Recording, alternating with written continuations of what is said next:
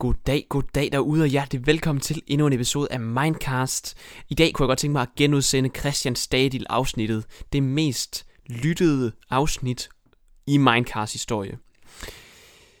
Det er sindssygt mange, der har lyttet til, til Christian Stadil før, men jeg ved også, at der er mange af jer, der lytter med nu, som ikke lyttede med tilbage for mange, mange år siden, skulle jeg til at sige. Det er flere år siden, ikke? jeg ved ikke, om man kan kalde det mange på den måde, men det er i hvert fald afsnit 72, og det her, det er jo afsnit 200 et eller andet. Så øh, det er længe siden, Christian Stahl afsnittet udkommer. Jeg ved, der er mange af jer, der ikke har lyttet til det, og hvis I har, så ved jeg også, at det er værd at lytte til det igen. Øh, som altid, øh, Zetland er stadig sponsorat af den her podcast, som jeg er utrolig stolt af. Og øh, jeg er nødt til at nævne det en gang til. Der foregår den her kampagne, som faktisk er noget lidt særligt, og den udløber lige om lidt. Nemlig allerede den 15. Dobbelttjekker lige. Nej, allerede den 14. september kan du ikke længere selv bestemme, hvor meget du vil give for de første måneds abonnement på zland.dk-mindcast. Så hop, skynd dig at hoppe derind, og grund til, at de har lavet den her kæmpe kampagne, det er for at se, om de kan nå 2.000 medlemmer på tre uger, og der er allerede 1.736 medlemmer, så du kan være en af dem, der hjælper hele vejen op til 2.000. Du støtter stadig mig med 200 kroner per, eller for hver af jer, der, der går ind og signer op, selvom I bare giver 1 krone eller mere for at være abonnent.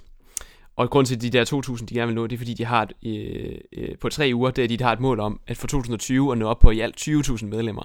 Der er meget, meget få, der faktisk også stopper deres medlemskab, når de er begyndt. Så jeg tror også, det vil være pengene værd for dig at gå ind og gå i gang og få noget god journalistik, hvor du også kan lytte til episoderne, ligesom du lytter til Mindcast normalt.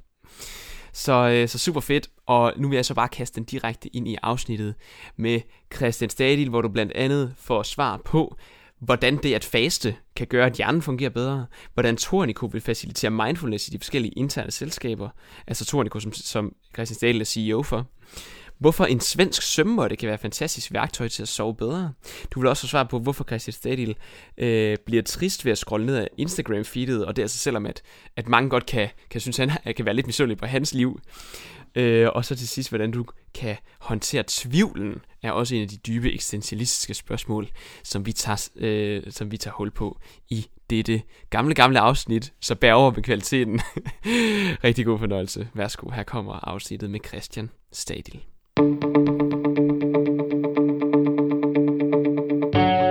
Lytter til Mindcast, en podcast, hvor vi blander viden med håndgribelige værktøjer inden for personlig effektivitet, til det formål at give dig mere energi og overskud i hverdagen. Mit navn er Nils Vium, og jeg er din vært her i Mindcast. Hjertelig velkommen til.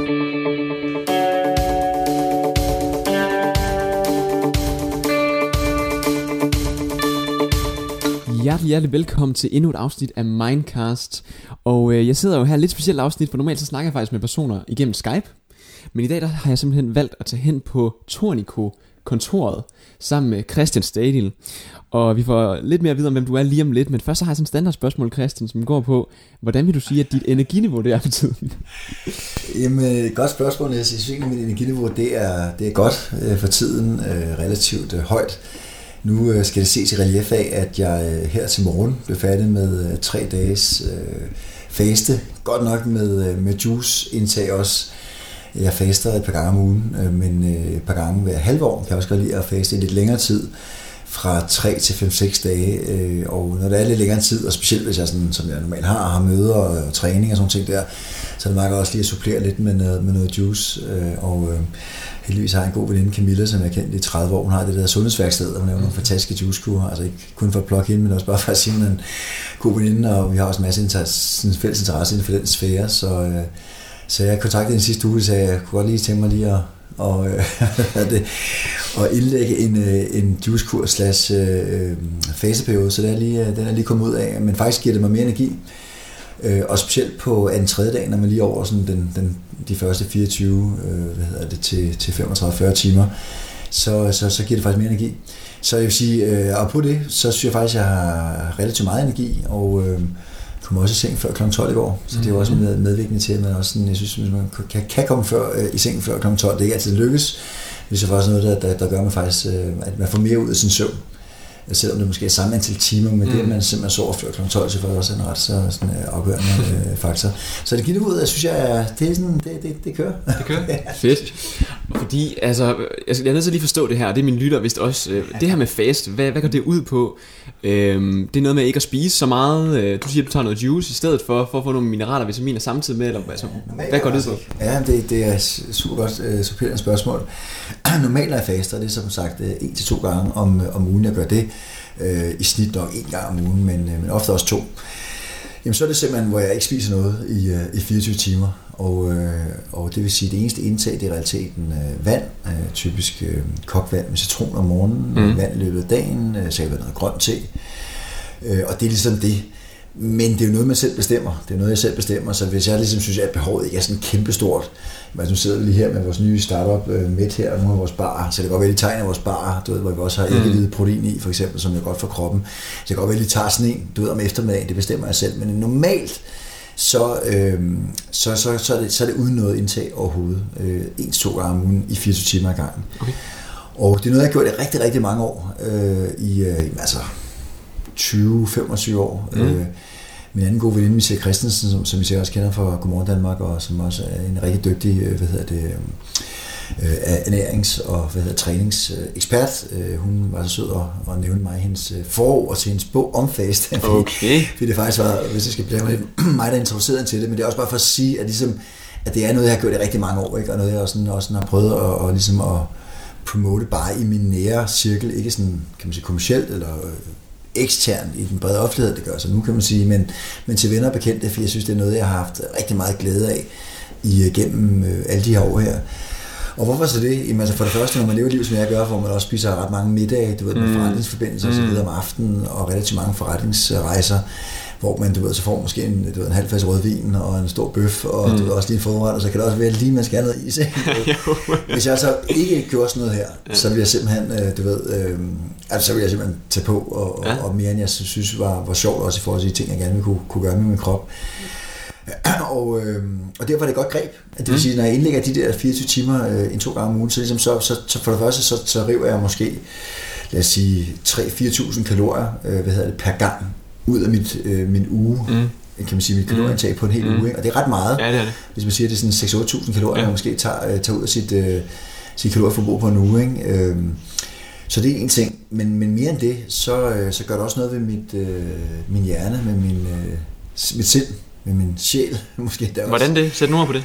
Jamen, det er jo det med, som også, altså der er jo rigtig meget videnskab efterhånden. Det var der ikke, da jeg startede, men der er der efterhånden omkring, øh, øh hvad, hvad, hvad, hvad, det gør, det at faste, ikke? Og noget af det, som, øh, som det gør, det er, at øh, og det, det er noget, man tror kommer fra, det er helt nede fra det limbiske system, helt nede fra reptilhjernen, at, øh, og, altså sådan en, en urmenneske, en urmenneske reaktion i kroppen og hjernen. Øh, det her med, at hvis vi ikke får nok kalorier, som vi jo ikke får, når vi faster, jamen, så siger hjernen, øh, hov, ham der støden, han er simpelthen for dårlig til at gå på jagt, og eller han er for dårlig til at, til at samle øh, bær og rødder og svampe osv. Vi må hellere aktivere øh, flere hjerneceller. Okay.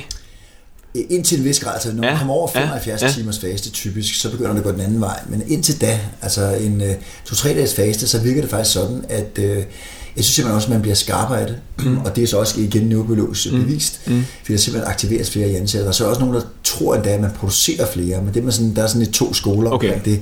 Men i hvert fald det, at man, at man aktiverer flere hjerneceller, man aktiverer flere områder i hjernen. Øh, man bliver simpelthen skarpere, fordi man får ikke nogen kalorier. Hov, man er åbenbart for dårlig til at, øh, og, og, du ved igen, at mm, eller mm, hvad man nu mm. gjorde dengang. Ikke? Så, så, så jeg synes, der, der er både det, det kropslige, der er det sådan rent, kan man sige, det er ikke at tage på, altså der er sådan en, en komponent af det også i det her faste. Men så er der også en, en høj grad en mental komponent, som er meget vigtig for mig. Jeg synes simpelthen, at jeg bliver skarpere. Øhm, og øhm, så, det med, så det er sådan en, så det er sådan en så det er sådan en, en, en krops-sind, yes. krops-hjerne-ting yes. øh, i forhold til de effekter, som, øh, så var positive resultater, som ja. kom ud af fase. Så, så jeg kan virkelig godt anbefale det, og, mm. og det er for mig en sindssygt vigtig ting af, i mit liv faktisk, mm. og, og at det nu er på også din, din podcast og det her fokus på øh, energi og performance osv. Så, så der er, der er fasten på min top, top 3 i forhold til til, til performance, øh, og hvad der fremmer performance. Så jeg kan virkelig, virkelig varmt anbefale det, yes. og øh, det at faste. Og det kan man gøre på mange måder. Ikke? Mm. Det kan være altså det, der er meget populært nu her, ikke? Øh, altså intermediate øh, fasting, ikke? Hvor, man, øh, øh, hvor man gør det altså kortere perioder. Ikke? Og det er jo i realiteten også det, jeg gør, når jeg gør det på gang om ugen. Men man kan også gøre det i løbet af en dag. Altså det her med, at man for eksempel giver sig selv et øh, vindue, hvor man spiser, for eksempel 8 timer, mm. og så har man så 16 timer på et døgn, hvor man ikke spiser. Ja. Og det er også en måde at gøre det på. Øh, og det er også det, man finder ud af, hvad der virker bedst, øh, bedst for en. Ikke? Jeg kan godt lide det der meget sådan, du ved, det er lidt sådan, øh, hvad hedder det, analog, det der sådan, altså sort-hvidt. Du ved, mm. altså, i dag spiser jeg, i morgen spiser jeg. Aha, det spiser ja. jeg ikke. Altså, så du kører all in, når det er? Jeg kører all in, ikke? Mm. Og det der med sådan, altså der er også mange, der plæderer for, men det er jo så mere, hvis vi er ude af sådan en diæt-tangent. Øh, altså, du ved, det, det må man spise, det må man ikke spise, og det er fordi, jeg ikke tænker på det, i forhold til sådan i hvert fald hver anden hånd, måske en lille smule fra, ja. fra, fra sukker, og fra, mm. hvad hedder det, hvide kulhydrater og så videre, mm. ikke? men uden at være fanatisk. Øh, men der er også en, mange kurder, der er baseret på det, hvad må du, hvad må du ikke, hvad skal ja. du spise, hvad skal du ikke spise, eller det kan være, at man skal til sine kalorier osv. Men jeg er sådan en, jeg kan sådan typisk rimelig all in, så når jeg spiser, så spiser jeg også meget. Ja. Og derfor det der med sådan at, du ved, at sådan sidde og vende ved en ting, man skal spise, og sådan noget, det, det er så sikkert ved, det der med, at i dag, der spiser bare ikke ja. overhovedet. Så er beslutningen ikke så træffet, det giver også god mening, så er beslutningen træffet om, Okay, men i dag skal jeg ikke, altså skal man ikke veje hele tiden, som du siger. Præcis. Det er virkelig svært også med, hvis man skal tage valg konstant om, hvad man så skal spise i dag og i morgen og i ja, formorgen. præcis. Og så er jo lige ja. til for en ting, ja, bare lige for at give ja, nogle af de her værktøjer, sådan også sådan helt for erfaringsbaseret. Altså man kan, jeg gør det nu fra, fra aften til aften, ja. og det er fordi, jeg har tre små børn, jeg har en familie, og, og, og det er jo vigtigt socialt, synes jeg i hvert fald, det der så. Og jeg også under mange undersøgelser, der, der, der viser det, at man, man spiser sammen med familien, øh, og der er faktisk lavet, lavet undersøgelser, der viser, at familier, hvor man ikke spiser sammen, der klarer børnene sig faktisk forholdsmæssigt dårligere. Men det er sådan okay. en anden snak, som handler mere mere, omkring, hvordan man forholder sig til sine børn. Øhm, men øh, så det er i hvert fald vigtigt også socialt for os, at vi spiser sammen øh, i familien. Og det vil sige, hvis jeg så sad der du ved, og ikke spiste noget, det ville mm. altså at mm. til sine børn. Så jeg har gjort det sådan nu, efter at have fået børn, de sidste 4-5 år, at, øh, at jeg spiser at fasten det er fra aftensmad til aftensmad. Ah. Men det nemmeste for dem, at der ikke er børn, eller dem, at der har en anden måde at, at, at gøre det på i forhold til, du ved, hvordan man agerer socialt i, ens øh, familie, og det skal man jo selv bestemme øh, fuldstændig, tusind familier, tusind veje og tusind måder at gøre det på, jamen så er det nemmeste faktisk at gøre det fra frokost til frokost. Nå, hvorfor det? Jamen fordi så står du op om morgenen, du ved, spiser en lækker morgenmad, spiser en god frokost, og så skal du bare lige droppe din, din aftensmad, og så har du hele natten, der hjælper dig på vej, og så når du står op om morgenen, så skal du bare lige du ved, øh, holde ud indtil Nå, ja. frokost. Så på mentalt er fra frokost til frokost faktisk det nemmeste synes jeg. Skal du ikke, så skal du ikke overleve hele dagen, øh, for du står op og så ind til aftensmad, Nej. som du gør der. Altså, så spiser du en god frokost på dit arbejde mm. eller derhjemme, mm. ikke? og du ved, så skal du bare med at spise aftensmad om aftenen. Mm. Så sover du, og så står du op om morgenen, så, så er du bare sådan, øh, sådan sund sulten om morgenen, så, så, skal du bare lige holde dig til frokost. Ikke? Yes. Altså, det er, sådan, det, det er det nemmeste, yes. hvis man ikke har det der forbeholdt, at, øh, hvad, hvad angår familien og, og det sociale. Ikke? Fedt. Så hvis du sidder derude nu og, og godt kunne tænke dig at eksperimentere lidt med det der faste, så bare prøv en helt simpel version, der hedder, altså det næste døgn, der spiser jeg ikke noget, så det kunne være fra frokost til frokost. Øhm, men vi skal lige have præsenteret det helt ordentligt her, Christian, fordi nu er vi jo godt i gang med at snakke om det, vi i virkeligheden skal snakke om. Ja. Men i virkeligheden, så skal vi også lige vide lidt om, hvem du er, og, og som, så vidt som jeg har forstået, nu må du sige, hvis der er noget, der, der er lidt øh, forkert, men, men så er du jo øh, ejer og, og, og chef for den, øh, det konglomerat, mm-hmm. som Tornico AS er. Mm-hmm. Øhm, det omfatter over 120 operationelle virksomheder. Mm-hmm. Og altså, de virksomheder, de er meget forskellige. Det er alt mellem himmel og jord, der jo nærmest er her. Men noget, som de fleste måske kan genkende navnet på, det er virksomheden Hummel. Mm. Øhm, som du også øh, er, er CEO i. Øhm, ikke CEO. Ikke CEO, der har en CEO. Jeg har en super CEO, der ja, Allan. det er rigtigt. Jeg er CEO for Tornico, øh, ja. men jeg er formand for Hummel. Du er formand, når du sidder i bestyrelsen for Hummel, formand der. Jeg er formand i Hummel. Verdensklasse. Øh, Godt. Jeg har en super CEO, der hedder Allan. Allan, han er CEO. Ja. Og derudover så er du sådan noget som foredragsholder, forfatter, professor, og så er du aktiv investor også. Mm. Øh, og vi har blandt andet også set dig i Løvens Hule, programmet, hvor I, hvor I investerer i, i startups. Ah, hvor der kommer en ny sæson her i februar. sådan. Det, ja, det passer meget godt med timingen. Måske midt i øh, programmet, at vi, at vi optager her. Ja. Øhm, men hvordan er det, det egentlig din hverdag så ser ud, altså når du, når du har gang i så mange ting? Mm. Der er stadig kun 24 timer i døgnet, du skal også sove. Øh, du skal måske ikke spise så meget, øh, men, øh, men når du gør, mm. det, der går noget tid med det. Hvordan i alverden færdes du? Tak for den lange øh, hvad det, øh, beskrivelse der. Det lyder jo meget, kan man sige, øh, et eller andet sted stort og flot, og jeg igen som spørger, hvordan kan det overhovedet lade sig gøre? Og derfor er det også vigtigt for mig at sige, at for det første så har jeg og vi nogle super gode CEOs i, i alle virksomhederne. Altså igen, jeg er CEO for, for Tornico, men ude i de enkelte driftsselskaber, der har vi nogle rigtig gode CEOs. Du nævner selv Allan fra fra Hummel, men der er også Jørgen Laktosan og Michael Snow Technology Group og Thomas i Torco og hvem der er i, ellers i de forskellige selskaber. Øh, så vi har nogle super gode kollegaer. Jeg har nogle rigtig gode kollegaer, uden øh, hvem det overhovedet kunne lade sig gøre. Øh, jeg har også en far, vi startede virksomheden sammen tilbage mm. i, i 90'erne. Og, øh, og han er stadig mere end going strong, selvom han er i dag i starten af 70'erne, og, og vi er jo sådan midt mindre fra starten af sådan delt det lidt mellem os, kan man sige, hvad vi ligesom tager os af. Vi har, der er også en fælles pulje i forhold til virksomheder, vi ligesom øh, begge to er inde over, men, men primært har vi delt det mellem os, og også i forhold til, hvor vi respektivt er formænd. Altså jeg har været formand i Humlen i mange år, og jeg er formand i vores ejendomsselskaber, og det er mig, der har stiftet og driver ja. hele vores, øh, hele vores venturearm, ikke, hvor ja. vi har omkring 22 ventureselskaber, øhm, og øhm, han er så formand i shipping for eksempel, og formand i, øh, i øh, det meste fødevareregi øh, meget groft sat op. Ikke? Så, så, så det, er også, det hører med til historien, ja. for at sige, det er ikke mig, der er sådan en eller anden fuldstændig overnaturlig super. Okay. Men selvfølgelig er der meget at se til, og der er det også, kan man sige, i forhold til min hverdag. Mm. Øh, og, øh, og, og det vil, med, det, med det vil jeg også sige, at øh, der findes ikke en dag, som, som ligner en anden, og det synes jeg er meget øh, forfriskende og også meget privilegeret, og det er noget, der også øh, passer rigtig godt til, til, til den måde, jeg er på, øh, den måde, jeg er bedst på, og øh, det, jeg synes, der er sjovt, så de ting, ting, ting hænger oftest øh, sammen. Mm. Øh, det der med at kunne øh, gå ind og lave nogle, øh, nogle nålestik, nu er jeg lige inde hos øh, Medpigerne igen i vores nye opstart her, ikke? og lige tale omkring, at vi skal på messe her næste uge, ikke? og du ved, hvad skal vi huske på messen, og hvad skal vi præsentere, og hvilke priser går, går vi til markedet med, og hvilke POS, point of sale materiale skal vi med mm. på messen osv. Og så smutter jeg ind igen, og så snakker jeg med dig, ikke? Mm. Og, og, og så lidt så har jeg et andet møde, ikke? Ja. og så lidt har jeg et tredje møde, og, og, og så videre, i andet regi. Mm. Og det, det passer meget rigtig godt, at man går ind og laver de der nålestik. Øh, det kræver stadig selvfølgelig, at man, at man har en domænespecifik viden, og det er jo rigtig vigtigt for mig, øh, for ellers kan man ikke forholde sig til de enkelte virksomheder. Så jeg sætter stor ære i at faktisk kende du ved, alle tallene og vide præcis, hvor de er henne, og øh, både på talsiden, øh, top og bund, men også i forhold til, til strategi og så videre, og hvordan går det med enkelte kunder og så videre. Det er vigtigt for mig at kunne kende til i alle virksomhederne, for så ellers kan man ikke træffe ledelsesbeslutninger. Men alligevel er det jo super, man kan gå ind og, for mig i hvert fald, at lave det nålestik, og så trække sig, så, så gå ja. i en anden virksomhed. Ja. Så det der med, at man sådan kan være med til at skubbe til nogle ting, lidt til højre, lidt til venstre, og så trække sig igen. Mm. Hvor der så er andre, der, der, der drifter, kan du sige, og mm. administrerer. Mm. Det, det passer rigtig meget godt i forhold til den måde, jeg er på, og der, hvor jeg også er bedst. Ja.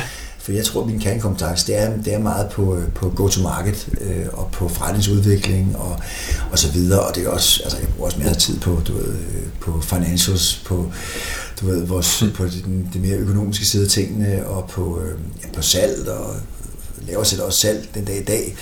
Øh, men det er nok den anden del, der sådan er min, sådan, hvor yes. jeg har en primær både interesse yes. og kompetencer. Ikke? Øh, så, så det er super privilegeret, så jeg, så jeg føler mig rigtig godt tilpas i forhold til mit arbejdsliv i dag. Fedt.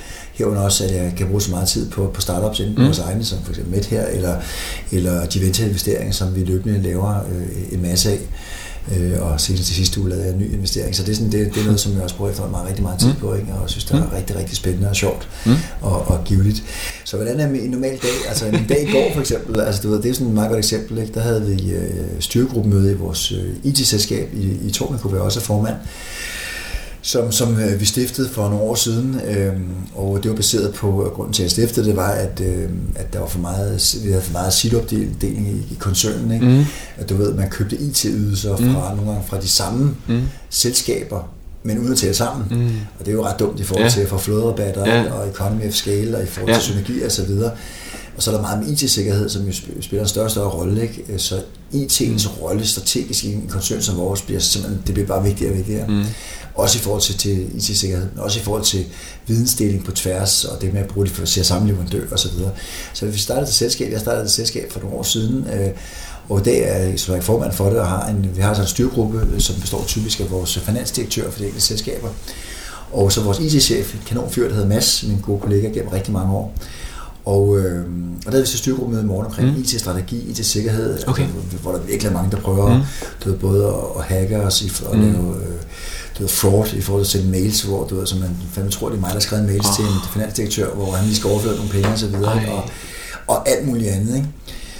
Så vi kigger både på budgetterne for, for, for det her regnskabsår, og vi har, vi har lige afsluttet sidste regnskabsår, og kigge på fordelingsnøgle for de enkelte selskaber betaler ind i det her selskab, og vi kigger på IT-sikkerhed, og skal vi gøre brug af nogle nye systemer, og vi kigger på vores strategi for, hvilken software øh, hmm. man må bruge i de forskellige ja. selskaber, ja. og alt muligt andet. Ja. Så det havde vi møde om i går, Så havde jeg møde med ledergruppen i uh, Hummel også, uh, hvad hedder det, omkring uh, blandt andet VM faktisk, okay. som vi jo står for nu her. Sådan. Og hvilke aktiveringer vi kan ja. lave i Rusland. Ja. Jeg glæder mig selv derover, øh, ja. Øh, blandt andet for at se øh, hvad hedder det, Frankrigskampen, hvor faktisk, øh, jeg koblede faktisk med noget faglighed, så faktisk jeg inviterer så alle vores direktører i, i Tornico med til, til Rusland, hvor vi så indlægger nogle faglige møder omkring, lidt omkring fremtiden for gruppen, og hvor ser de enkelte deres selskaber om, øh, om fem øh, og ti år. For det er også vigtigt for os at, at få den øh, viden for de her kloge CEOs. Mm-hmm. Øh, hvad hedder det, øhm, det er jo nogle vigtige datapunkter i forhold til, hvad, hvor vi ser, i forhold til, så, så vi også kan tænke strategi overordnet for hele Tornico. Ikke? Du ved, skal man overveje en børsnotering i et selskab, skal man overveje et salg i et andet selskab, og det hænger jo meget sammen med, hvad tror de enkelte CEOs omkring selskabets fremtid. Så det, det kommer vi til at snakke om i Rusland. Ja. Udover, vil jeg sige med sammen, vi kommer til at spise noget Bosch måske, og drikke nogle bajer. Sådan. og forhåbentlig se det danske landshold ja. over Frankrig, som jeg selv ja. så dem også gøre i 2002. 2002, ja. Nå, det gjorde du også, der var du også set. Japan, Korea, det er. Åh, oh, smukt. Øhm, så, God kamp. Så, så, så, det er sådan, så det er også i går for eksempel, så er det møde med faktisk også omkring os, ja. messe omkring, øh, vi kom med nyt produkt, chips, kommer på, det, på markedet her, øh, højprotein chips her med, Nå. også med æggehvide og økologisk og så videre. Så det, det er rigtig spændende, når man sådan skal love sit nyt produkt. Det havde vi også med om i går. Og, så det er, sådan, det er et meget godt eksempel på sådan en dag. Ikke?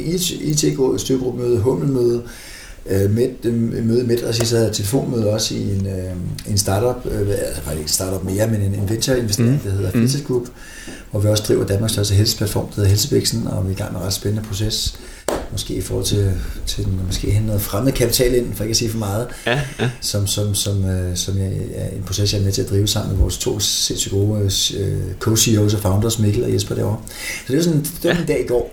Det sidste, det var, det var, ja, det var en dag. Ja, det var en dag. Okay, men det er vildt nok. Du er lidt rundt omkring. Øhm, for at vi, vi skal også nå nogle forskellige spørgsmål her. Så kan du nævne Bare lige for at nævne en anden, eller for at høre en anden ting, som du så laver, når du ikke er på arbejde. Ja. Har du et ja, bestemt... Nu, nu er talt nok arbejde. Ja, nu er der nok arbejde. Og vi skal også hurtigt videre, så det skal bare være en enkelt ting, måske ja. et enkelt ritual, du måtte have enten om morgenen eller om aftenen. Ja, det er et enkelt kun. Et enkelt kun, du er nødt til, for der er mange andre spændende ting, jeg gerne vil spørge dig om. Så hvad vil det være så? Ja, altså nu har vi jo inde på det med fasten, som ja, jo er en, ja. en art ritual, i hvert fald ja. på ugenlig basis. Ja. Øhm, altså, hvis jeg må nævne to på en dag, for det, er, fordi, det, fordi, det, fordi det er faktisk hver dag, jeg gør de her ting. Okay. Altså, hver dag, der mediterer jeg, ja. og, øh, og det øh, har jeg gjort i efterhånden mange år. Ikke alle de år, jeg har kan man sige, haft en interesse for det. Jeg har haft en interesse for det i over 30 år. Men on and off i 30 år har jeg gjort det nogle gange mere end andre. Men nu har jeg fundet meget tilbage til det her over de, de seneste par år. Så det er virkelig blevet et fast, ekstremt vigtigt ritual for mig. Fuldstændig er religiøst. Det er ren neurobiologi. Øh, okay. der er også lige en mystisk komponent en gang imellem, men primært er det neurobiologi. Det er simpelthen ekstremt sundt, øh, mm. så jeg kan anbefale til alle. Og faktisk lige nu, øh, også bare for du ved, at have en, også, øh, en sådan aktualitetskrog med her, som jeg faktisk ikke har nævnt andre steder, der, der arbejder jeg faktisk med, at vi fra Tornikos side over for vores forskellige selskaber vil være med til at facilitere, simpelthen have vores, øh, en kollega i Tornico, som kommer til at drive mindfulness-processer ud i de enkelte selskaber. Ikke noget, man skal, men at de har mulighed for at lære, hvordan man mindfulness mediterer. Og jeg holdt mig lidt fra det gennem årene, fordi at, øh, jeg vil ikke pådutte dem noget, og det kunne godt lugte lidt af øh, noget, der minder om, også bare, for det har du også på din liste, ved, altså det kan vi så måske tage nu. Det kan lugte af noget, der måske sådan er lidt sådan halv religiøs, filosofisk, også fordi jeg har haft en interesse for buddhisme gennem mange år. Ja, jeg præcis. kalder mig ikke buddhist, jeg er ikke buddhist, men jeg har haft en, en, en stor interesse for buddhisme som filosofi og som sindsvidenskab gennem rigtig, rigtig mange år, og, og har den stadigvæk. Øhm, du er ikke buddhist i religiøs forstand? Nej, nej. Og, Hvordan skal det forstås? Hvordan er der forskel her? Jamen altså, buddhisme er jo faktisk ikke en religion. Det er ikke en religion? Nej. Øh, Buddha er ikke en gud. Han, var en, han er en historisk figur som levede for, for over 2.550 år siden, øh, og øh, øh, kom fra Nordindien, øh, og øh, så en klog mand, øh, ligesom som jeg, jeg, jeg betragter faktisk også Jesus som, som en, også en af slagsen. Ja. Øh, og så er der selvfølgelig lagt en, eller ikke selvfølgelig, men der er så lagt en masse, kan man sige, øh, lag på den fortælling, også fordi meget af det er overleveret, og det er jo ligesom en fortælling omkring Jesus, øh, Øh, og, øh, og dengang, da man skrev de her og overleverede de her øh, historier, myter, øh, legender, jamen så vidste man tit heller ikke bedre, mm. og derfor er der også lige måske lagt momsen oveni. Mm. Det mener jeg i hvert fald, og det igen, det skal være op til folk selv at vurdere, og det gælder for Jesus, mm. men det gælder også for Buddha. Mm. Og, øh, men, men så, så kan man sige, så de komponenter, som, som, som har et religiøst islet, det er ikke der, det er så interessant for mig. Det kan være spændende at læse om, og jeg har læst måske, I don't know, 500 bøger ja. omkring ham og, og, og, og buddhismens, øh, kan man sige, øh, start øh, gennem årene, men det, der er rigtig interessant, og det, der for mig gør, at buddhismen differentierer sig fra andre filosofier og eller regioner, det er, at man der ikke har haft helt så mange, kan man sige, øh, eller ikke har haft helt så meget sammenfald mellem stat og filosofi, politik og filosofi, stat og religion, politik og religion, som man ser inden for, for, altså for andre regioner ja. for eksempel. Og, og når man har det, man har haft det nogle steder inden for det, den, øh, øh, kan man sige, øh, Øh, øh, hvad hedder det, øh, buddhistiske retning, der hedder det lille fartøj Theravada, hvor der sådan, som du ser det meget i, øh, i Thailand blandt andet, og i, øh, i, i øh, Myanmar og andre steder øh, på Sri Lanka, hvor der trods alt i hvert fald i perioder har været sådan en vis et sammenfald der, og så særligt, man får de der regler, fordi du ved, hvis det er de samme, som både, kan man sige, står for det religiøse, det filosofiske, men som samtidig også står for det mere samfundsregulerende, så er det jo, man får den sammenblanding, hvor der pludselig er en masse dogmer, der er en masse ting, man ikke må, og der er en masse ting, man skal og ikke skal. Og så er det, du får de der, du ved, øh, øh, regler, du må ikke spise det og det, og du skal gøre det og det her, og så videre. For det klart, et samfund fungerer jo bedre, hvis du ikke boller med din bedste vens mm. kæreste, eller hvis du ikke spiser svinkød, fordi der lige har været en, du ved, en, en sygdom, mm. som har ramt svin. Og det kan man godt forstå historisk set, men det er ikke der, det interessante ligger for mig. Okay. Så jeg vil gerne trække det væk. Og, øh, og derfor er det interessante for mig, det er det, som, som jeg synes er mest udtalt i buddhismen. Øh, det er det, med, det er det, der drejer sig om sindet. Øh, Øh, man har også komponenter af det i, både i islam og, og i kristendommen via bønden for eksempel. Men det er det, der er interessant. Og jeg har lige læst en super spændende bog, øh, hvad hedder det, som øh, skrevet en, der hedder øh, Sam Harris, som, som, som faktisk øh, handler meget omkring det her. Sam Harris, han er meget, øh, han er ateist, meget mod religion. For der er bestemt også, det mener også, er nogle negative ting at sige omkring regionen, og det behøver vi ikke nævne eksempler på, men dem tror du selv, selv du kender, og det gør din lytter sikkert også. Men det han så er kommet tilbage til øh, i hans bog Waking Up, det er, at hvor han tidligere sagde, at regionerne er intellektuelle ruiner, så siger han nu, og det giver han meget ret, at i ruinerne, der er der sandheder at finde. Og det giver ham ret i. Og de sandheder, som, som jeg selv, det er derfor, den, den har ramt mig meget, den bog her, de sandheder, som jeg selv synes, jeg gennem, gennem mange år, der har været at finde, blandt andet i, i buddhismen, selvom den, den faktisk ikke er en religion, men det, der, det er den jo for nogen, kan man sige, mm. de facto. De sandheder, øh, som jeg også ser det igen for både islam og i kristendom i form af bønden osv., det er værktøjer, som simpelthen man kan arbejde med i forhold til at få et, øh, et sundere sind, et værk, værktøjer, som, som gør det nemmere for en at forholde sig til mm. ens følelser mm. og tanker. Værktøjer, som gør, at man øh, for eksempel for at bringe det ned på et niveau, bliver mindre stresset, som gør, at man kan performe bedre, mm. som gør, at man måske endda lever længere, og som gør, at man får et øh, sundere både kropsligt og, og sjældent liv. Mm. Så det, det, er der, det er der, den er for mig. Så, så koblingen mellem buddhismen, kan man sige, øh, og meditationen ligger i, i det, det ligger i den brudflade, kan man sige. Så for mig er, er øh, meditation et ritual, og i dag meget baseret på mindfulness meditation. Mm. Så, så noget for mig er det noget at, at, om at sætte sig på, på puden ja. øh, hver dag, ja. og det kan være helt fra ned til fra 5 minutter til 45 minutter, okay. nogle gange en time, normalt derimellem. Ja. Øh, og, øh, og worst case, hvis jeg ikke når det, så gør jeg det, inden jeg sover altid. Ja. Og det, der realiteten er, det er, og, øh, at jeg koncentrerer mig omkring mit øh, åndedræt. Det er bare det. Og det for nogen kan det være, nogen for nogen kan det være i maven, altså maven mm. gående ind og ud, og de følelser, de sensations, man mærker, mm. når maven trækker sig ind og ud. For andre kan det være øh, luften, åndedrættet, gående ind og ud af næsen ved næsetippen. Det sidder lidt, den, den kolde luft, der vender ud af næsen. At det, at man, man fylder sindet ud med følelsen af at trække vejret. Det er realiteten det, det er. Og så er det så det allervigtigste, igen for at få nogle værktøjer på bordet. Der er mange, der siger, åh nej, jeg kan ikke meditere, for der kommer alle de her tanker, og du ved, jeg tænker på, du ved, nu skal jeg bolle med kæresten i aften, eller nu skal jeg lige huske at lave, lave hvad hedder det, madpakke til ungerne, ja. eller du ved, det der, jeg glemte på arbejdet, eller åh nej, min store tog klør, osv. Der kan jeg bare sige, det er en del af meditationen. Meditation går ikke ud på at udelukke tankerne. Tværtimod skal man åbne op for dem, men det, det går ud på, det er at observere dem, erkende, de er der, og så bare stille og roligt vende tilbage til ens single point of concentration, for eksempel åndedrættet ved maven eller ved næsen. Maven kan være meget godt, for det er der mange, der ikke ligesom bruger. Hvis man synes, man har for meget tankemøller, så kan det måske være meget godt at have opmærksomhed nede i maven, mm. i stedet for ved næsen, for mm. næsen er tættere på hovedet ah. og på hjernen. Det er også bare for at have det sådan ja. et, lidt godt råd med på vejen. Øhm, så det gør jeg hver aften. Øh, og øh, det er også nogle at gøre, det er, at øh, nu kan jeg nu snyder jeg lidt med, nu bygger jeg flere ritualer ind i et ritual. Det er, at jeg faktisk nogle gange, hvad hedder det, øh, og ret, ret ofte også ligger mig på en sømmåtte. Ligesom ja. fakirerne. Og det er sådan en svensk sømmåtte, som jeg virkelig kan anbefale, og jeg vil sige, jeg har ikke aktier i selskabet eller noget som helst, men prøv at tjekke de svenske sømmåtter ud. De findes i forskellige hårdheder, og jeg har den hårdeste, hvad hedder det, but of course. øh, og det er helt fantastisk, for det der simpelthen sker, det er, når du ligger specielt, så ligger man bare overkrop, du kan også ligge med en tynd t-shirt, så gør det ret ondt i starten. Så skal man lige vende sig til det. Så går der 3-4 minutter. Begynder hjernen at producere endorfiner, ligesom når du løber langt. Ja. Eller laver andet øh, hårdt arbejde, føler smerte. Og så skyller de endorfiner ind over din krop. Og så får du bare en sindssygt stærk meditation derefter. Og øh, så det kan virkelig varmt anbefales for folk, der har problemer med at sove. Det kan også være uden meditation. Bare lægge sig på sådan en der og bare slappe af.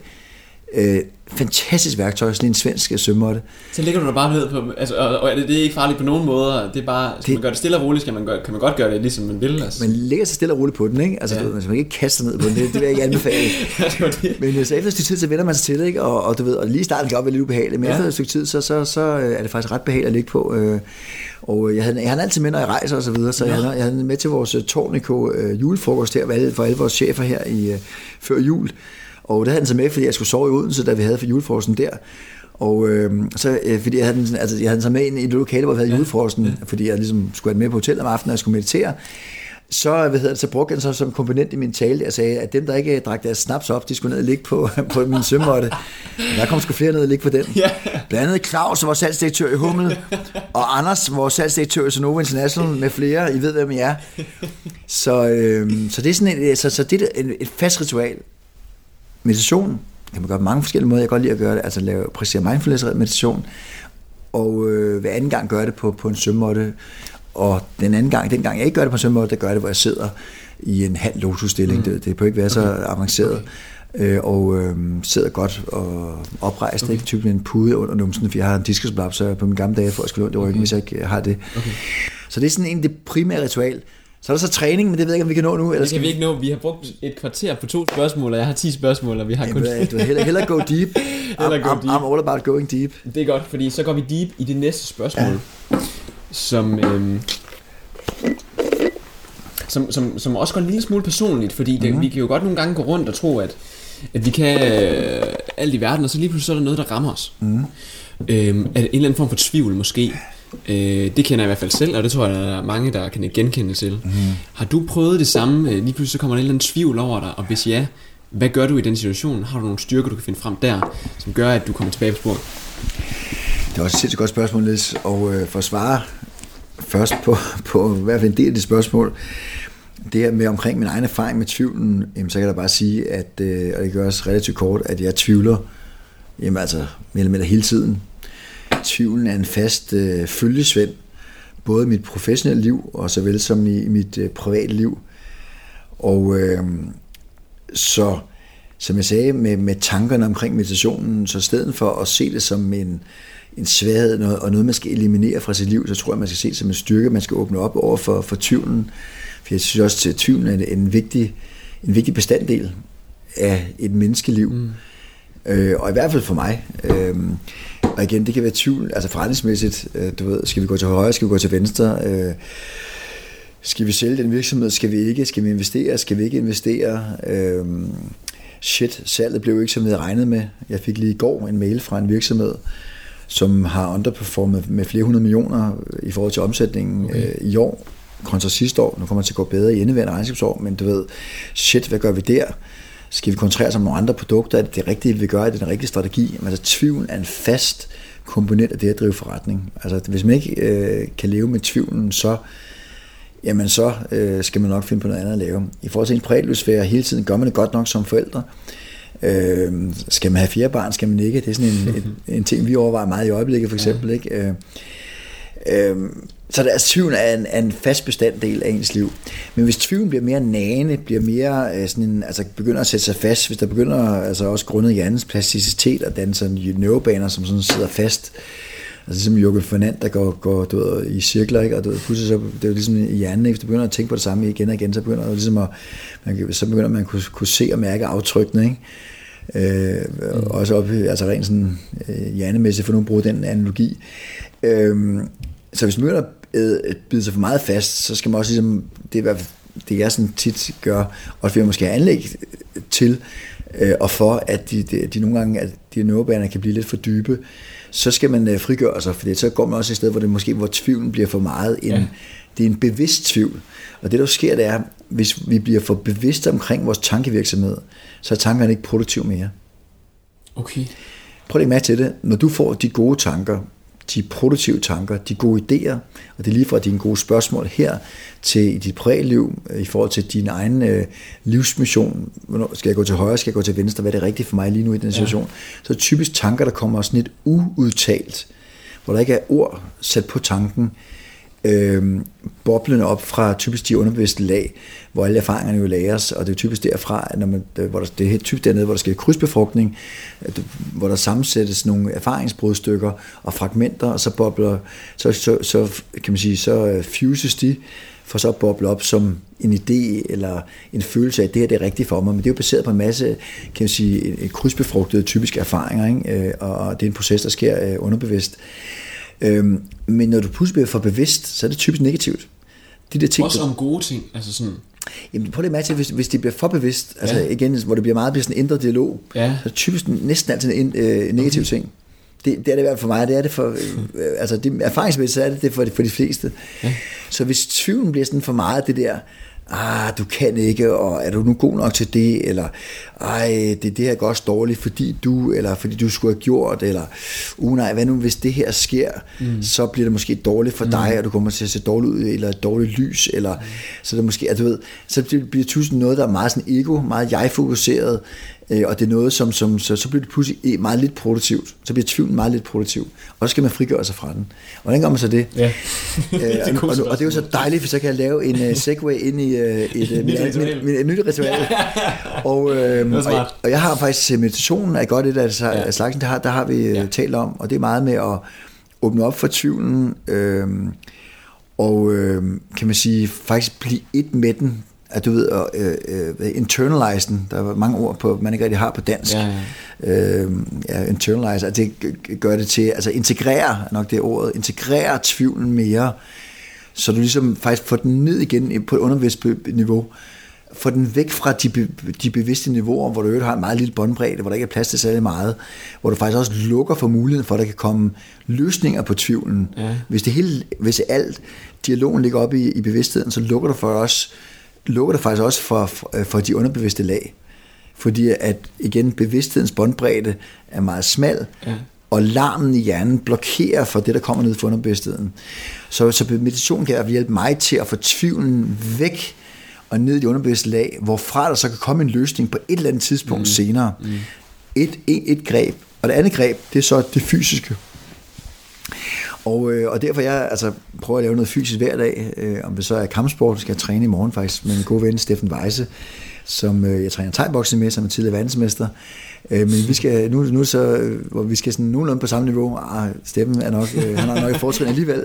Der skal vi faktisk undervise en af de bedste instruktører i Krav Maga, den israelske stilart, øh, øh, i morgen. Og det er jo sådan en, en fysisk komponent, som også er vigtig for mig i forhold til, til mit liv. Og det fysiske kan noget i forhold til også at eliminere tvivlen, eller ligesom frigøre øh, hvad hedder det, en for, for, for den her nægende tvivl i hvert fald, den her for bevidste tvivl, øh, eller andre øh, ting, som sidder for meget fast, altså en indre dialog, der, der kører for meget i, i ring. Og det kan så være kampsport for, mit, for mit vedkommende, det kan være yoga, det kan være øh, klatring, jeg har også en klatrevæg derhjemme, som jeg bruger, øh, og så ellers fysisk træning, altså frie øvelser, kettlebells, vægte, Øhm, øh, og det kan være løb. Løb er også fantastisk, og løb er måske virkelig det mest effektive. Ja. Øh, fordi det der repetitive, det kan altså noget, og mm. du producerer endorfiner. Så hvis jeg virkelig har en eller anden mm. tvivl, som bare sidder for meget fast, så det er med en løbetur, der, der, jeg, tror aldrig, jeg tror aldrig, der har været en løbetur, der ikke har så at sige kunne, kunne, kunne kurere den dybe tvivl. Okay. Så man bliver sgu lidt lettere i, i, i hovedet og på øverste etage, når man løber en tur. Så det er, sådan, det er nogle af de greb, jeg gør brug af, hvis, hvis tvivlen bliver for nane, men ellers, hvis den, det ikke er den der dybe tvivl, nane tvivl, for bevidste tvivl, så synes jeg faktisk, at tvivlen er, er sund, mm. og den er en del af min hverdag. Mm. Fedt. Fedt, ja, ja, ish. Ja. Fedt ish. Jamen, fedt, hvis den kan være, fedt, hvis den kan være ja. produktiv. Fedt, hvis den ja. kan blive til noget. Og fedt realiseringen af, at det er ja. bare noget, der er der. Og det yes. er bare noget, vi skal leve med. Og det synes jeg egentlig også er, er positivt på et mm. eller andet format. Enig. Så, øhm, og apropos tvivl. Mm. Så øh, går jeg jo op og ned af en masse, masse studerende. Jeg er stadigvæk studerende. Mm. Ja, spændende. På, på CBS. Ja, fedt. Hvor at der, er en, øh, der er en bestemt kultur om, at man... Hvor er du sej, du både laver podcast og studerer. Hvor kæft, man. Tak skal du have. Øhm, men der er en kultur jo om, også flere steder end CBS, det er, ikke, det er jo bare det, jeg færdes i. Mm. Hvor at, også i samfundet, også når du er færdigstuderende, også når du kører, en eller anden form for konkurrence, præstationssamfund af en slags øh, karriereræset af et keyword eller et buzzword, om at vi skal jo bare så mange ting. Mm. Øhm, og vi skal derud af, og vi skal nogle gange også øh, er nødt til, at øh, andre øh, skal ned, for at vi kan komme op, og, mm. og en masse forskellige ting som øh, jeg er lidt i tvivl om, hvordan, øh, og det tror jeg, der er mange, der sidder med den der, apropos tvivl om, mm. hvordan i alverden færdes man egentlig i det. Mm. I sig selv mener jeg jo ikke, der er noget galt med, at jeg gerne vil frem. Mm. Men, men hvordan er det, man sørger for for eksempel at have sig selv med i hele det her? Mm. Har du nogen sådan, hvis du nu for eksempel, nu, nu er du også øh, i en lidt særlig position, øh, mm. karrieremæssigt, forretningsmæssigt, mm.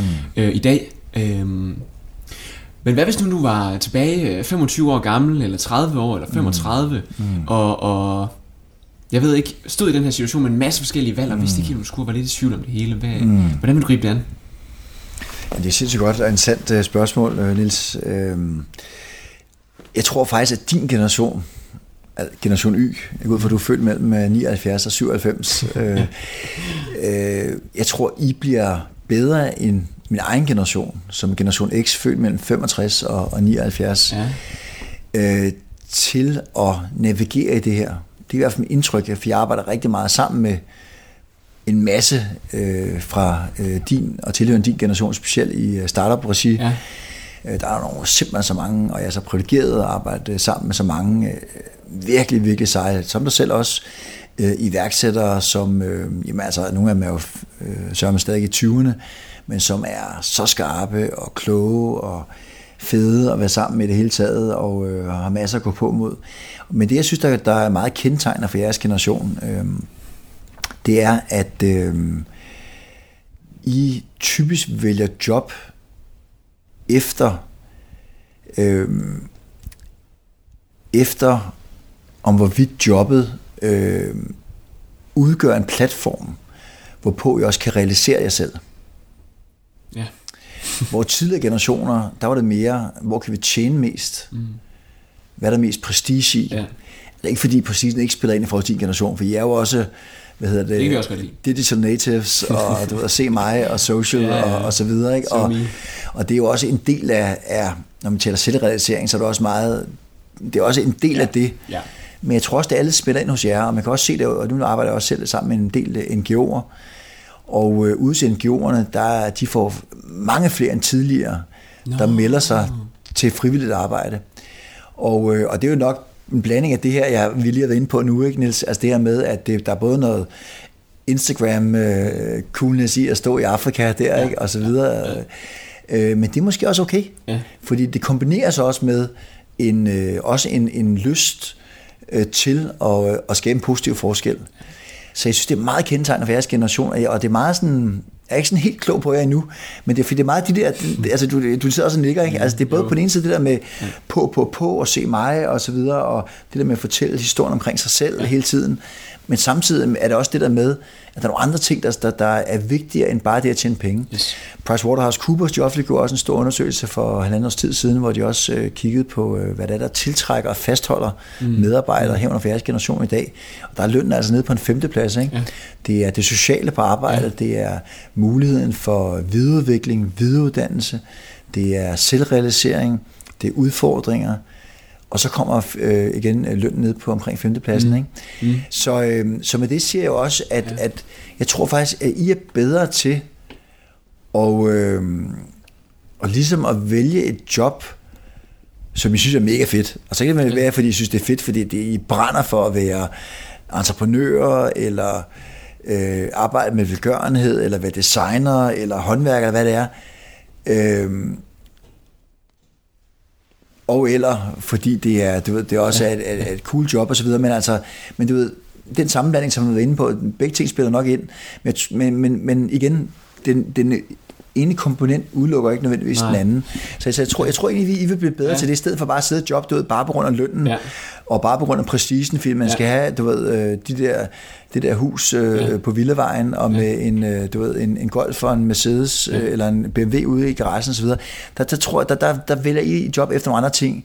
Og jeg, jeg mærker også, at trods alt, at passionen spiller en større rolle hos jer end den har gjort for foregående generationer. Så jeg tror, jeg tror I er bedre til at navigere det her, end vi er. Det er sådan min, min, min lige nu her ja. fra hoften. Jeg ved meget, jeg godt høre, hvad du, ja, hvad du, hvad du, jamen, hvad du det selv mener. Det er super spændende det der, og jeg tror også helt sikkert, at mange af os, vi er bedre til øh, at finde ud af, hvad det er for et job, vi vil komme til at brænde for i fremtiden, hvor mm. der er mm. udviklingsmuligheder og sådan nogle ting. Mm. Men kan den ikke også være sådan en slags barriere for øh, en sund psyke? og, mm. og, og måske kan, kan fordre endnu mere tvivl og, mm. og angst måske for ens fremtid, hvis nu at alle ens kolleger øh, medstuderende, de går ud og realiserer sig selv, men jeg kan mm. bare ikke finde det job, jeg vil realisere, kan realisere mig selv indenfor.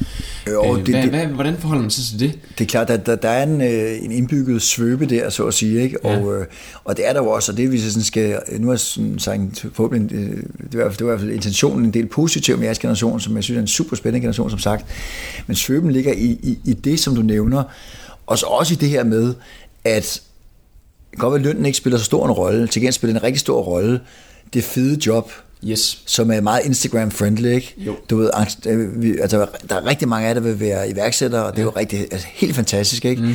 Øhm, men men, øh, men igen for dem, hvor der så ikke er lige mulighed for det, eller mm. du ved, den, den gode idé, den kommer ikke lige til dem, altså, der, der, altså du ved, føler de sig så dårligere eller mm. uforløst, ikke?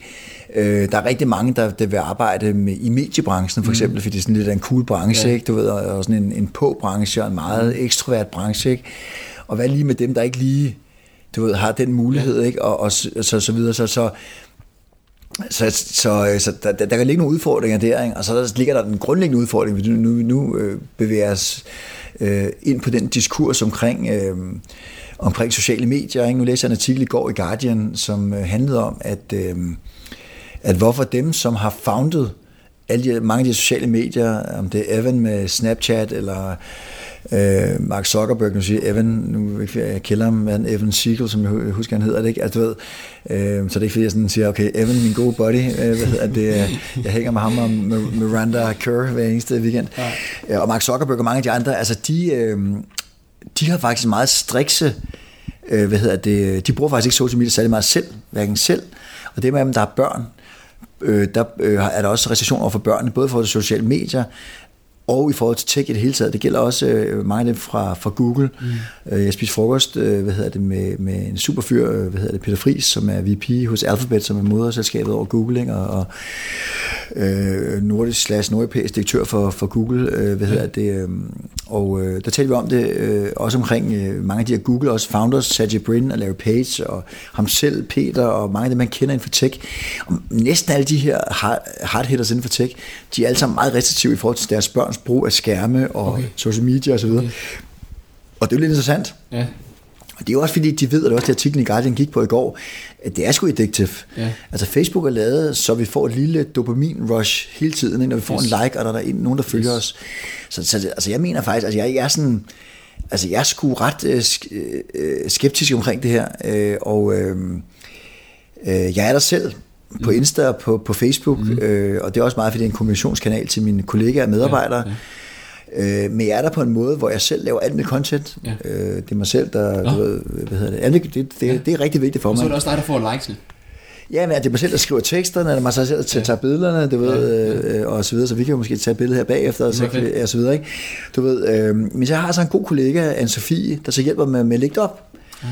Og, øh, og det gør hun, fordi at øh, selvom jeg også selv, du ved, øh, øh, går ind og siger, hvad, hvem jeg gerne vil følge, og hvem jeg gerne vil like, hvad jeg gerne vil like, og så videre, så er jeg ikke specielt vild med, det har jeg faktisk ikke sagt før, men det, det er altså så sandheden med, og du ved, øh, jeg sidder aldrig sådan om aftenen, du ved, og øh, øh, øh, trawler eller scroller ned over øh, øh, Instagram feed og så videre. Fordi, altså jeg synes faktisk, jeg er sgu ikke vild med det. Mm. Fordi det, jeg, jeg får sgu lidt pres. Nå. Du ved, altså, du ved, andre folk, og det lyder måske også, at der er nogen, der måske synes, jeg har sådan et relativt, du ved, sådan et fornuftigt liv at se udefra i hvert fald, ikke? Ja. Du ved, men det der ser, at andre folk har kæft det perfekte liv, ikke? Og ja. du ved, og jeg synes også, det er sådan lidt, du ved, altså de der, øhm, øhm, altså, øh, hvad hedder det, øhm, rabbit holes ja, ind i andre folks ja, liv og sådan ja. noget. Så jeg skulle ikke, altså, så jeg er meget sådan, dem jeg følger, det er meget, øh, altså det er virksomheder, det er brands og sådan ting der, ikke? og også nogle private individer, typisk, altså altid nogle, primært nogle jeg kender, der er nogle uh, UFC-fighter, mm. jeg godt kan lide kampsport, nogle klatrer og nogle uh, filosofer og nogle forskellige andre, jeg følger, men jeg prøver så vidt muligt, altså der er det, du ved, og, øh, og, og altså jeg, jeg, skulle, jeg er ikke særlig meget derinde selv, Nej. Ja, det er jeg ikke, Nej. og det er også der, hvor det er fedt med Sofie, det er hende, der ligger mine ting op, ja. og der er også noget praktik i det, ja. jeg kan sende hende ja. et billede også to, og så bestemmer hun lige, hvornår det passer i løbet af ja. i dag, og ja. for jeg ryger videre møde bagefter ja. og sådan ting, ikke? du ved, så er også noget praktik i det, ikke? Men, men altså jeg skulle ikke, jeg, jeg, det, det er sådan ret sparet for mig, Øhm, og, og i forhold til de unge i dag, nu er mine børn selv meget små, ikke? men øhm, altså, det, altså vi skal lige tænke os om, fordi det er det der gamle historie omkring, at hvis du kombinerer gamle, gammelt mindset, gammel tankegang med ny teknologi, det er noget af det mest farlige. Mm. Og det bedste eksempel, det er våben. Mm. Altså du ved, da vi var umennesker, ikke? Altså, der, du ved, der havde du en økse, så kan være, at jeg fandt på en, en, en større økse, og så var det mig, der vandt, ikke? og så pludselig, så, du ved, så øh, øh, mange år efter, så havde du en forlader, så kunne du skyde mig, ikke? Og, men så pludselig så fik jeg et automatgevær, ikke? Ja. Og, og hele det der med, altså at det var gammel mindset, du ved, at ham, der har det største våben, det er ham, der vinder. Det stoppede så ved atombomben. Altså, oh, ja. fordi så var, det, så var det ikke blive ved bare med at kaste en, en, en større atombombe i hovedet Nej. på den anden, fordi så, så eksisterer jorden ikke mere. Så, du så det var sådan, det der ligesom disrupted den der kombination af gammel tankegang med ny teknologi. Og, øh, og det er også vigtigt, at vi, vi tænker på, på samme måde, hvad angår miljøet. Fordi i dag har vi jo gravkøer, øh, øh, produktionsmetoder, som gør, at vi jo fandme kunne rydde hele regnskov mm. lynhurtigt, mm. hvis vi ville det. Mm. Og derfor så bliver vi nødt til at have en ny mind, nyt mindset i kombination med ny teknologi. Og det er det samme med, med sociale medier, og i det hele taget det med at bruge skærme hele tiden osv. Vi er nødt til at have en ny måde at, øh, at tænke på. Bare fordi vi kan være på hele tiden, så betyder det sgu ikke, at vi behøver at være det hele tiden. Og, øh, og, og, og det, jeg tror, der kommer til at ske en, en, nogle, nogle forandringer, hvad det angår. Og det bliver jo helt, det bliver mere og mere aktualiseret med, med Internet of Things, ikke? Og, mm. og, og så er der også hele overvågningselementet øh, også, øh, så det tager for lang tid at komme ind i det, men som ja. jeg også selvfølgelig ret tæt. Ikke? Så det er, det, det, det er ret spændende, og igen, det er noget, der faktisk interesserer mig meget, det her mm. omkring øh, tech, og hvor verden bevæger sig hen. Så, mm. øh, super spændende. Ja, det er super, super spændende. Super spændende. Ja. Tre spørgsmål tilbage. Kan vi tage dem sådan hurtigt, mm. øh, lige efter hinanden? Mm, siger jeg kægt. Bare jeg med, med, med, med helt små, øh, tro, med helt små korte svar. Ja. Gør det lækkert for lytteren. Ved præcis, hvad de skal gøre bagefter. Yes. Det ene er håndgribeligt værktøj direkte herfra. Hvad vil det være? Det vil være øh, en ting. mindfulness meditation. Mindfulness meditation. Yes. Og eventuelt bruger den der... Øh, sømmåtten. Sømmåtten. Yes. Fordi jeg har nemlig haft mindfulness meditation en gang. Det er derfor. Sømmåtte, mindfulness. Mindfulness meditation. Yes, det vil hvis jeg sådan, kun er et, øh, et greb, så var det selv det. En anden gæst, du kunne tænke, være, ville være fed at have med i Mindcast. Ja. Som kunne sidde her ligesom os to nu og lukke lidt op for personlige øh, ritualer, øh, tanker om livet, øh, effektivitetsværktøjer. Hvem kunne være spændende? Det er spændende. Ja, og høre om de samme. Sådan, ja, ja, det er rigtig, rigtig spændende. Mm. Um, hmm. Det må ikke være en, jeg kender, eller... Nej. Nej. Det behøver det ikke. Det er sgu et godt spørgsmål. Jeg synes, jeg er privilegeret og heldig i forhold til at kende mange spændende mennesker. Mm. Men det kunne være smart, hvis det var en, du kunne sætte mig lidt i kontakt med, måske. Ja. Ja. Kan du forlod Alice? Ja. hun er direktør for, for Met, vores startup ja. der. Okay. Og hun har også en masse sine egne ritualer. Øh, det var et bud. Mm. Det kunne være... Hmm, tænk mig om her en ja. gang.